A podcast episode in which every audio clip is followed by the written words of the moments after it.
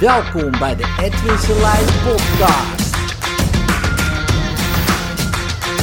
Inspiratie, stimulatie en motivatie om de dag goed door te komen.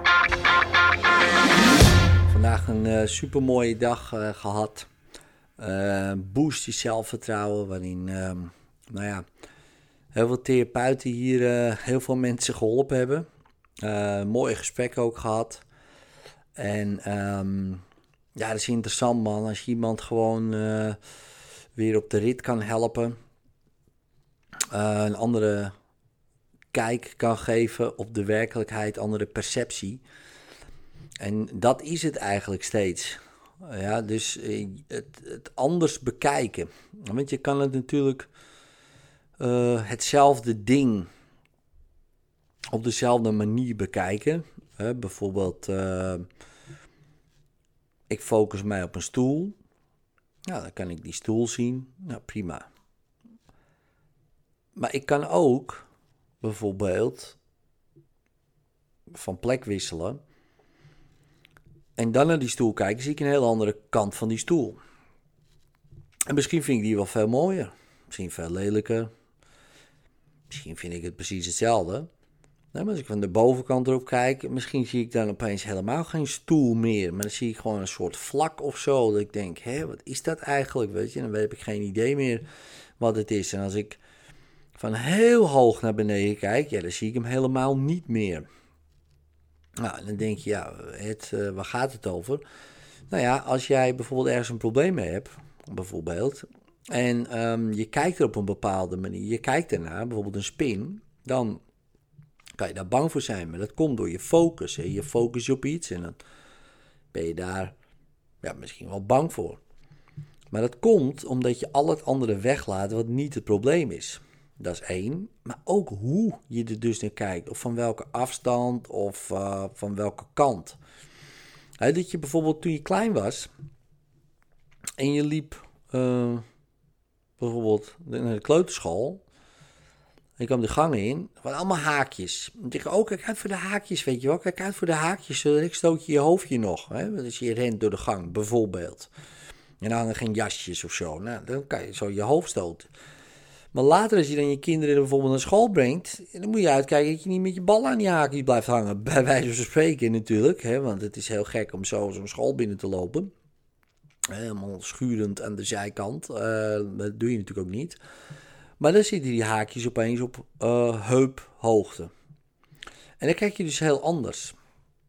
Dan zie je andere dingen. Uh, andere dingen vallen je op. Je hoeft niet meer op te kijken tegen dingen bijvoorbeeld. Uh, maar je kan ja, meer nou ja, recht naar voren kijken. Misschien wel zelfs naar beneden kijken. Een hele andere manier van kijken. Als je klein bent en komt een hond op je afrennen, is een heel ander gezicht dan als je groot bent en je komt een hond op je afrennen. Je kan nog net zo bang zijn als vroeger. Maar dat is dan waarschijnlijk omdat je onbewust op die hoogte kijkt van dat je bijvoorbeeld heel klein was. En dat veroorzaakt misschien wel die schrikreactie. Nou weet je dat natuurlijk niet bewust, maar onbewust doe je dat. Omdat je nooit hebt geleerd om het uh, anders te bekijken dan. Hè, bijvoorbeeld als je bijvoorbeeld bang daarvoor zou zijn. Want dat hoeft niet meer. Hij is kleiner dan jij. Uh, hij is daardoor uh, minder gevaarlijk bijvoorbeeld. Net terwijl hij misschien helemaal niet gevaarlijk is, hè, maar dat is dan je idee. Maar als je heel klein bent en die komt op je afrennen, nou, dan is het anders. Als er ook nog eens een traumatische ervaring uit voort is gevloeid, bijvoorbeeld je bent gebeten, ja, dan blijft dat als uh, herinnering, zeg maar, in je hoofd, in de zin van trigger.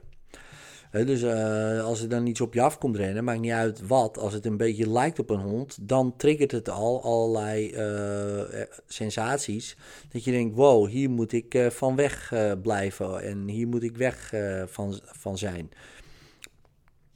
Maar ook dat is niet waar, want het is het is de manier waarop je er naar kijkt. En je kijkt er nog net zo naar als vroeger.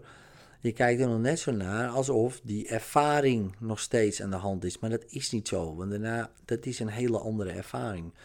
Dus kan je er ook anders naar kijken. Nou is dat heel makkelijk gezegd natuurlijk. En veel lastiger bijvoorbeeld gedaan. maar soms vergeten we gewoon dingen. zo had ik net een gesprek met iemand. En um, ja, die vindt het moeilijk om zichzelf te motiveren. om bijvoorbeeld een uh, e-book te schrijven. Nou, dat is interessant. En dan kan je zeggen, ja, interessant, interessant. Dat heb ik ook wel, weet je, dat ik moeite heb om mezelf te motiveren. Nou, wat zo interessant is uh, bij deze specifieke meneer, is dat hij jaren in het leger heeft gezeten. Jaren in het leger heeft gezeten. En zegt tegen mij, ja, weet je, ik ben niet goed genoeg, weet je wel. Ik, ik voel dat ik niet waar ben en dat soort dingen. Ik zeg, ja, oké. En daarom doe je het niet. Ja, ik doe allerlei ontwijkingsdingen. oké. Ik zeg, had je dat ook op missie? Ja, dat zeiden van, jongens, we gaan uh, patrouille. Het is uh, s'avonds na het eten. Dat jij zegt, nou, ik blijf op de bank zitten. Ik heb eigenlijk geen zin in, ik heb net gegeten. Keek je me zo aan. Zo. nee, natuurlijk niet. Oh, Oké, dus dat deed je gewoon, ja. En dan deed je dat, en dan deed je dat, en dan deed je dat. En dat was gewoon heel logisch. Er was helemaal geen idee in zijn hoofd. Ik zeg, ben je goed genoeg? Ja, natuurlijk man, natuurlijk ben je het waard. Tuurlijk, natuurlijk. Heel logisch. Ik zeg, als je dat e-book ziet, of wat je ook wil, als een missie, kan jij de missie zo voorbereiden en plannen dat die een groot grote kans van slagen heeft. Zei, natuurlijk man. Zegt, ik zie die route al helemaal uitgestippeld. Ik zei, nou, al die training, al die jaren training, in dit geval negen jaar training, had hij onbewust overboord gegooid. En nu gedacht, vanuit zijn eigen ikje, ja, hoe ga ik mezelf motiveren? Terwijl hij negen jaar getraind is om gewoon missies te halen. Hoe interessant is dat? Dus daar hadden we het zo van. Ik ging het herhalen, herhalen. En ineens zie je dat kwartje vallen. En denk ik, man, zo had ik het nooit bekeken. Ik ga het gewoon doen. Ja, want als je. Iedereen heeft alle hulpbronnen in zich al. Je kan het al.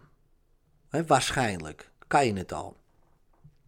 En als je het niet kan, nou, dan kan je het wel leren. Maar heel veel dingen heb je al gewoon geleerd. En dat is interessant. Heel veel dingen uit je verleden heb je al meegenomen. En natuurlijk, misschien wil je dingen vergeten, achter je laten. Dat je denkt, man, ik wil helemaal niet meer aan denken. Bijvoorbeeld zo'n tijd. Dat kan, dat hoeft ook niet. Maar die strategieën die je daar hebt geleerd, je moet niet het kind met het badwater weggooien. Flikker alleen het badwater weg. Maar hou dat kind intact. Ja, toch? Dus bijvoorbeeld die hele tijd van uh, verschrikkelijke ervaringen, oké, die gooien we weg. Maar die tactieken, procedures en hoe dingen voor te bereiden en planmatigheden, wetmatigheden. Uh, wat nou als het niet lukt? Wat nou als het wel lukt? Wat gaan we doen? Wat is dit? Al die, al die tactieken, zeg maar, uit het leger, bijvoorbeeld in zijn geval dan. Ja, dat moet je natuurlijk gebruiken. Ja, al die shit dingen die er zijn gebeurd, oké, dat is badwater, gooi dat dan weg. Maar dat kind moet er niet bij. En het kind is dan natuurlijk gewoon waardevol. Uiteraard is een kind waardevol, hè? dus dat is waardevol. En dat zijn de dingen die je geleerd hebt, waar je nu ook wat mee kan. En wanneer je dat de ruimte geeft, ja man, dan is het niet voor niks geweest natuurlijk. En dat is met heel veel dingen zo, hè? heel veel dingen zo. Nou, als je denkt in je eigen leven, misschien heb je ook wel iets dat je denkt: shit man, ja man, dat had ik, dat, zoiets herken ik wel. Ik heb bijvoorbeeld een hele periode ergens gewerkt, daar en daar. En dan deed ik de dingen gewoon tap, pap, pap en het ging hartstikke goed af. En dan denk je, waarom doen we dat dan niet? Nou, omdat je niet meer in die context zit. Maar dat wil niet zeggen dat je niet kan nu. En als je dat steeds meer begint te beseffen, dan denk je, fuck man, ik kan heel veel dingen dus wel gewoon al. En dat is interessant. En ik vind het interessant om mensen zich daar bewust van te maken. Um, en daar is ook, ik noem dat dan de regressie 3.0, zeg maar. Daar is die methode waar ik nou een boek over aan het schrijven ben, uh, is daarop gebaseerd. dus eigenlijk op dat alle hulpbronnen al in je zitten. Uh, om die verandering te maken die je wil. Maar dat laatste, die verandering te maken die je wil, die hoeft niet. Uh, want het is al gebeurd. En als je daarover nadenkt, van hmm, het is al gebeurd, ja. Misschien heb ik ook allemaal wat dingen al geleerd en meegemaakt. En kan ik dat nu inzetten of juist gewoon mee stoppen? Um, en je maakt die bewuste, onbewuste connecties. Life changing. Nou, dit was mijn rant. Later.